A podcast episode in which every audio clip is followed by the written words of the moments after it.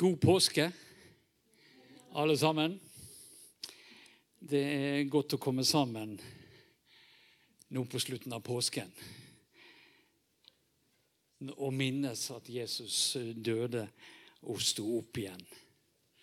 Det var jo ikke mulig å holde ham fast, står der. ikke det flott? Jesus brøt gjennom og ut igjen til livet. Han er oppstått fra døden. I Lukas 24 så spør englene de kvinnene som har kommet til graven, hvorfor leter dere etter den levende blant de døde? Han er ikke her. Han er oppstått. Husk hva han sa til dere mens dere ennå var i Galilea. Menneskesønnen skal overgis i syndige menneskers hender og korsfestet. Og den tredje dagen skal han oppstå. Jesus har stått opp fra graven, og vi vet og vi leser at han går rundt og han møter flere av sine kjære som han tok farvel med før han gikk inn i lidelsen. Og som vi vet, så var det flere av dem som var forvirret etter det som hadde skjedd. Og nå møter de han der. Og så får de være vitne til hans oppstandelsesunder. Det må jo ha vært utrolig godt for Jesu venner å møte han igjen. Ikke sant? Etter det som hadde skjedd. Og opplevde at han gjorde sånn som han pleide å gjøre når de møtte han. Han hilser de med fred. Også oss som kommer sammen her i dag, hilser han med fred, og han sier Fred være med dere, sier han til oss. Fred være med dere. Temaet vi skal ta for oss i dag, er hvorfor måtte Jesus dø? Dette henger sammen med at vi denne våren eh, knytter tale opp mot temaene i alfatalene. Så fra nå framover så blir det det. Eller det begynte jo før. Men planen er jo altså å begynne med alfakurs til høsten. Og da kom jeg på en ting som jeg, vi må ta med som en opplysning. For det er litt spesielt. Den 5. mai så får vi besøk fra en som heter Vebjørn Øvereng. Han skal snakke litt om trosforsvar.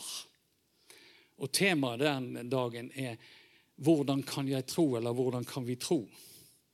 Så det blir litt spennende. Så dette må vi spre litt blant folket.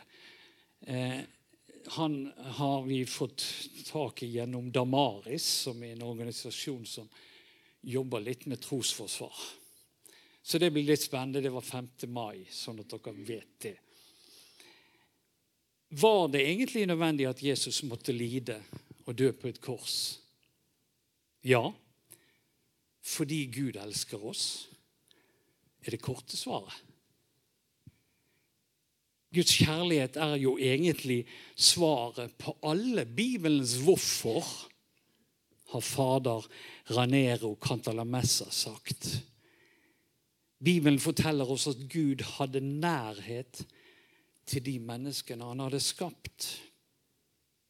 Han vandret i hagen med dem men mennesket var ulydig mot Gud.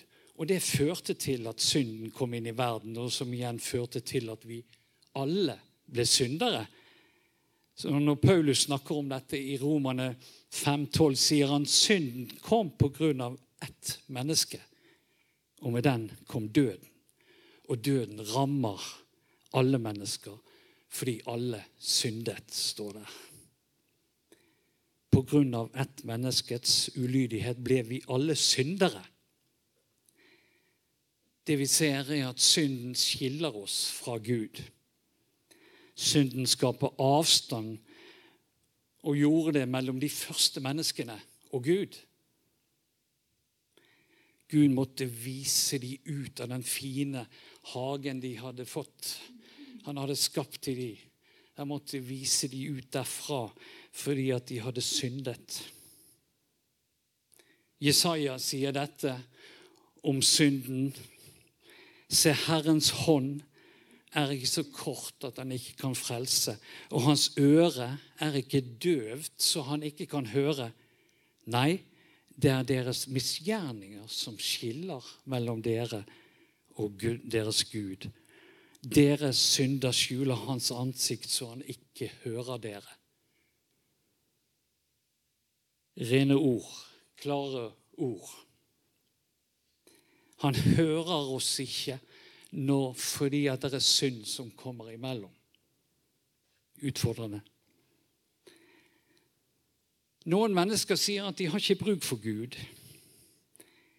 De lever sitt liv i fred med de rundt seg, med naboer, kollegaer eller familie. Men spørsmålet er når vår fred og det gode liv blir utfordret, hvordan er det da? Krigens grusomheter bekrefter at vanlige mennesker kan være virkelig onde når omstendighetene legger til rette for det. Omtrent alle de rapporter vi får fra kriger, forteller om ulike grusomheter som ikke har noe med krigens kjerne å gjøre. Så det er ikke bare de som bevisst, gjør bevisst synd, som er onde i Guds øyne, men også de som gjør opprør mot Gud ved å ignorere Gud helt, som om han ikke eksisterer. Romerne 1. For hans usynlige vesen, både hans evige kraft og hans guddommelighet, har menneskene helt fra skapelsen av kunnet se og erkjenne av hans gjerninger. Derfor har de ingen unnskyldning. De kjente Gud, men likevel ga de ham ikke den ære og takk som Gud skal ha. Med sine tanker endte de i tomhet, og det ble mørkt i deres uforstandige hjerte.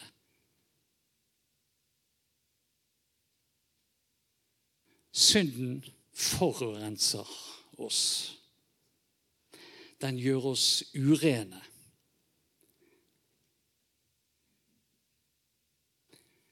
Jesus sier noe om synden. Og han la til det som går ut fra mennesket, det gjør mennesket urent. For innenfra, fra menneskehjertet, kommer de onde tankene. Hor, tyveri, mord, ekteskapsbrudd, pengejag, ondskap, svik, utskeielser, misunnelsesbåt, tåmod, vettløshet Alt dette onde kommer innenifra og gjør mennesket urent. Så det er altså ingenting som kommer utenifra som gjør oss urent. Mat kan ikke gjøre oss uren, men det er det som kommer innenfra, som gjør oss uren. Og så kan vi gjerne si at vi gjør ikke de fleste av disse tingene som her er nevnt men gjør vi bare én av de, er det nok til å rote til livene våre. Sånn er det med det som er synd, det som er ondt. Og akkurat som med budene, har du brudd ett av budene? Har du brutt dem alle, sier Jakob.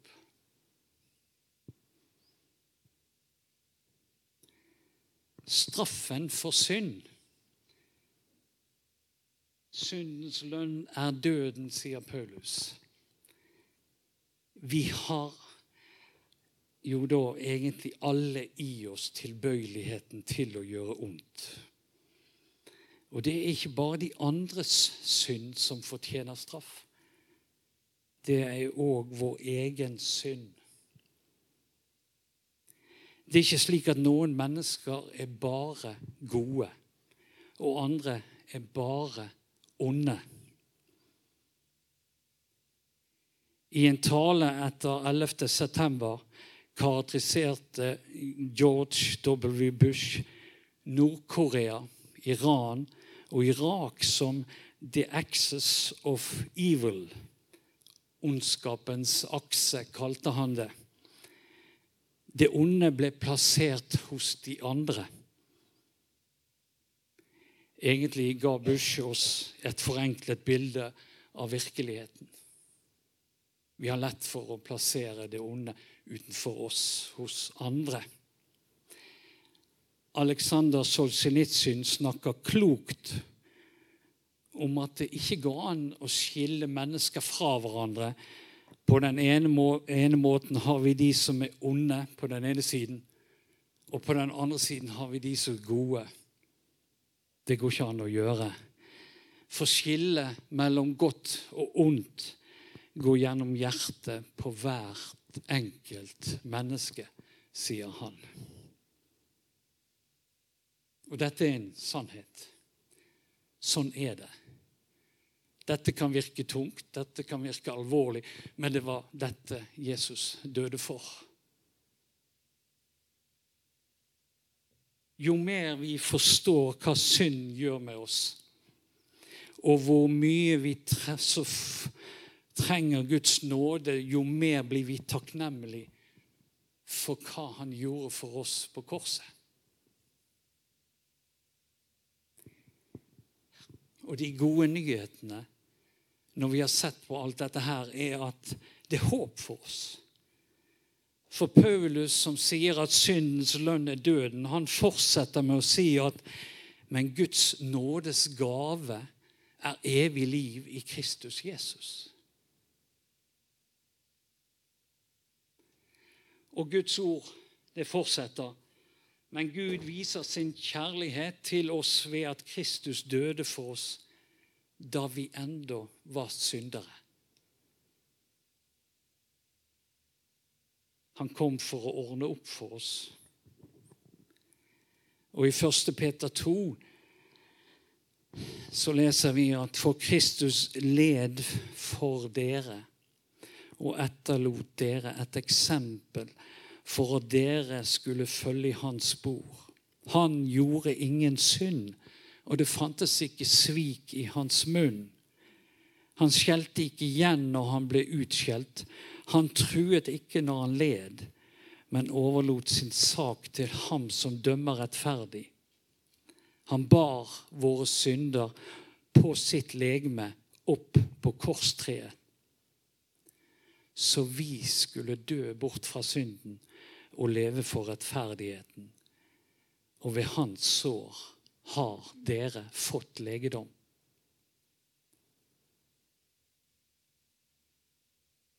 En historie.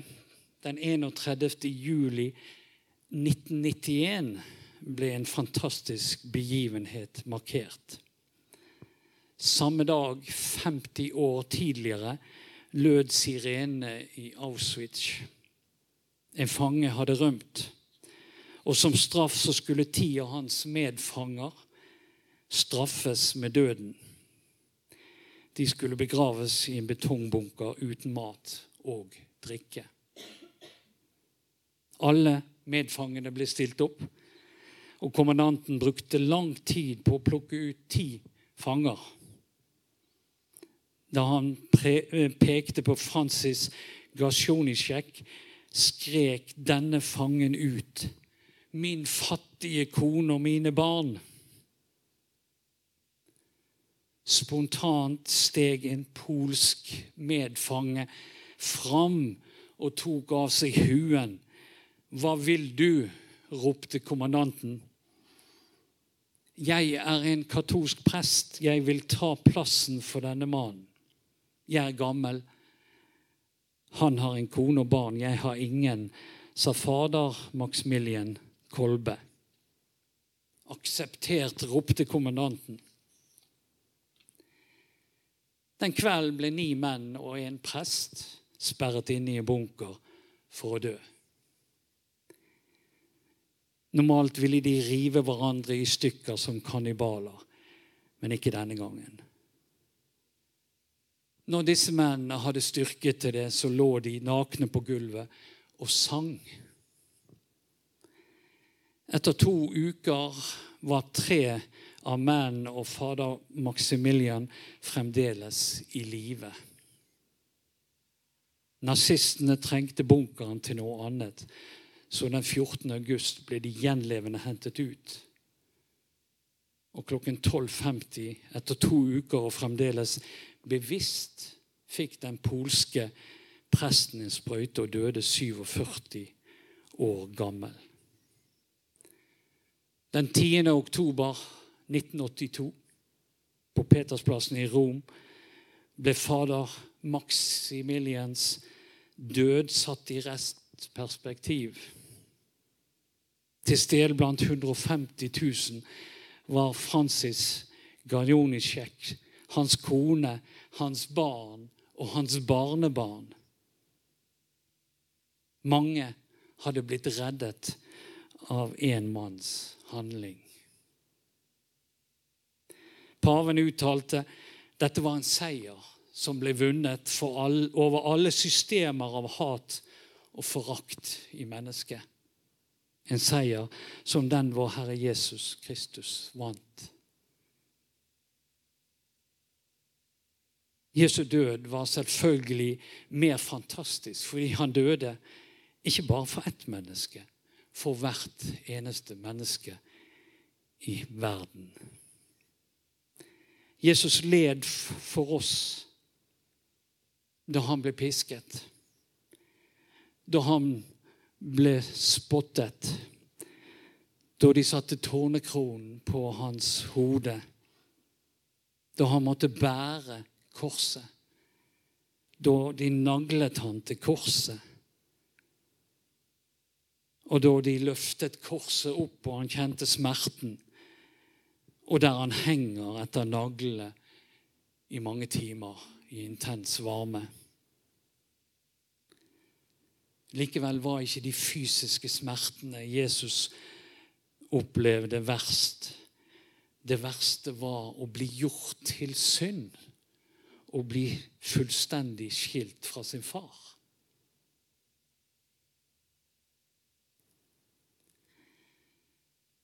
Jesus' seier var totalt, og det kostet han å gå igjennom dette.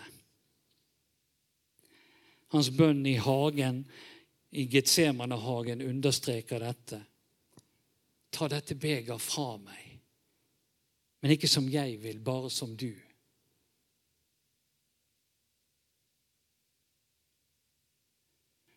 Loven i Det gamle testamentet ga klare instrukser på hvordan synd skulle behandles.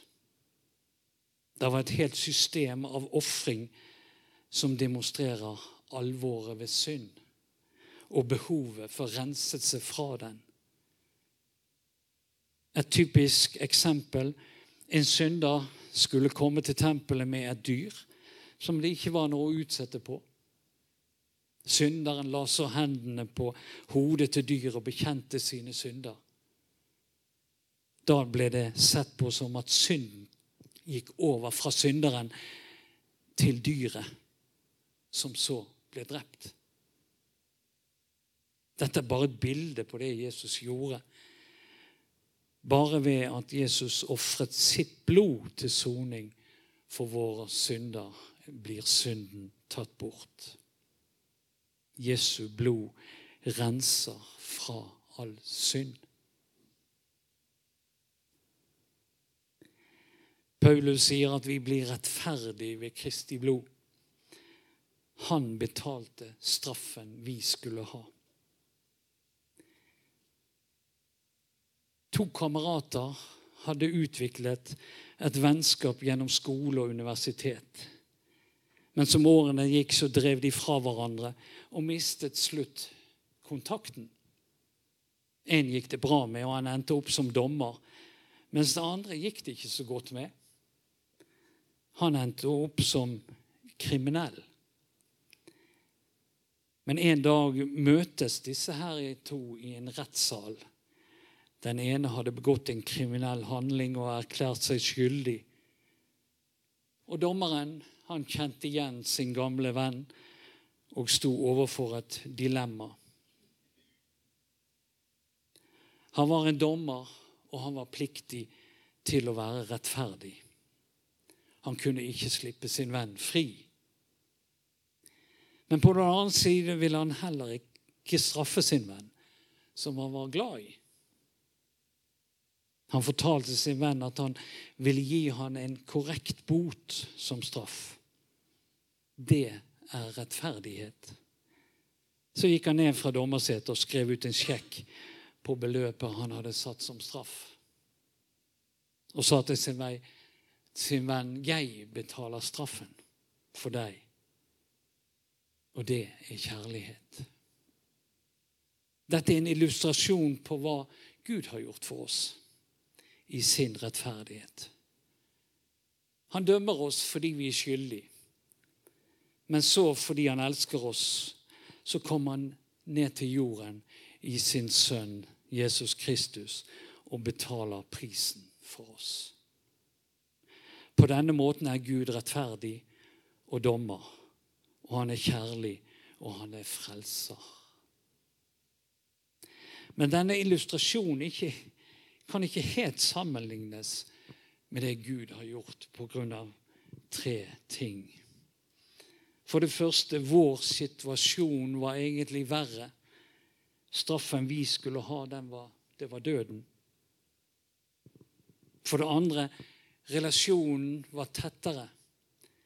Det gjaldt ikke bare to venner. Nei, det er vår Far i himmelen som elsker oss mer enn noen foreldre vil elske sine barn. Og for det tredje, prisen var større. Det kostet ikke Gud penger, men hans eneste sønn som betalte straffen for synd. Korset som vi har her sentralt, er kommet for å bli. Og korset må alltid være sentralt i menighetens liv. For det skal sammen med nadværen og Guds ords forkynning minne oss om hva Jesus gjorde for oss. Paulus slår fast også at korset som en beskyttelse fordi at vi ikke skal fare vill. Menigheten i Korint hadde begynt å splittes opp fordi at det ble dannet partier. Noen favoriserte mennesker fremfor andre.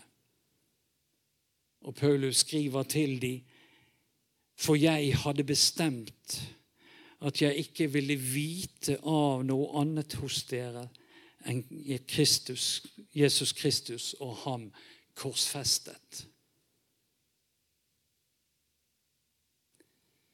Det er Jesus vi samles om, og det han har gjort for oss. Det er han som er verdig vår tilbedelse, og ingen andre. Hvorfor måtte Jesus dø, stiller vi som spørsmål i dag. Jesus måtte dø av synden. Gud tar ikke lett på synden, og det må heller ikke vi gjøre. Sier vi at vi ikke har synd, så bedrar vi oss sjøl, og sannheten er ikke i oss. Men dersom vi bekjenner våre synder, er Han trofast og rettferdig, så Han tilgir oss syndene og renser oss for all urett. Sier vi at vi ikke har syndet, da gjør vi ham til en løgner, og hans ord er ikke i oss. En av de tingene i vårt trosliv som er med på å hindre åndelig modning i våre liv, det er at vi mister blikket på Jesus og begynner å se på de andre. Hvordan går det med den eller med de? Hvordan lever de? Den eller de gjør slik og slik. Det kan umulig være bra. Eller den eller de gjør ikke som jeg gjør. Ser vi på andre stopper utviklingen hos oss sjøl. Og Bibelen er klar. Matteus 7, 1-5. Døm ikke for at dere ikke skal bli dømt. For dere skal selv dømmes etter den dom dere feller over andre, og det skal måles opp for dere i det målet dere selv bruker. Hvorfor ser du flisen i din brors øye, men bjelken i ditt eget øye legger du ikke merke til? Eller hvordan kan du si til din bror, la meg ta ut flisen av øyet ditt, når det er en bjelke i ditt eget? Din hykler, ta først bjelken ut av ditt eget øye. Da først vil du se klart og kan ta flisen ut av ditt brors øye. Det vil alltid være feil å sammenligne oss med de andre. Vårt utgangspunkt for livet er forskjellig, og dermed blir våre valg så forskjellige. Vi må ha vårt blikk på Herren, så han kan i sin tid peke på det som trengs korrigering på i våre liv. Og han vil lede oss personlig. Gud elsker hver og en av oss og lengter etter å være i en relasjon med oss på samme måte som min mor og far lengter etter hvert eneste av sine barn. Det er ikke bare slik at Jesus døde for alle. Han døde for deg og meg, og det er personlig. Paulus hadde erfart det, og han skriver i Galaterne 2,20.: Guds sønn som elsket meg og gav seg selv for meg, sier Paulus. Og når vi tar dette inn og ser at det virkelig gjelder meg, så vil våre liv bli forandret.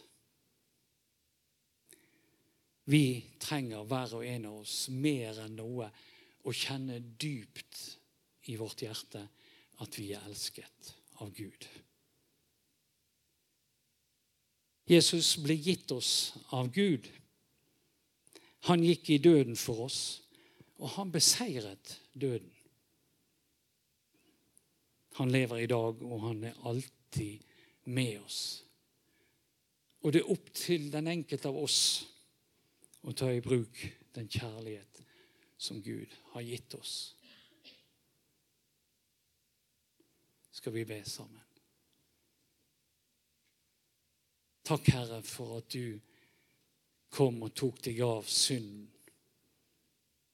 i mitt liv, i våre liv. Takk for at du tok den med deg på korset. Og vi skal få lov å legge den fra oss. Og Herre, vi trenger det hver eneste dag. Å bekjenne vår synd og gi den til deg. Og takk for at du da er trofast og rettferdig, så du tilgir syndene og renser oss for all urett. Takk, Jesus, for at du døde for oss, og det var nødvendig at du døde, slik at vi kunne bli fri. Vi kunne bli satt fri, og vi kunne få et liv med deg. Hjelp oss, Herre, til å ta imot den gaven du gir oss og hjelp oss til å leve i samfunn og nærhet med deg. Amen.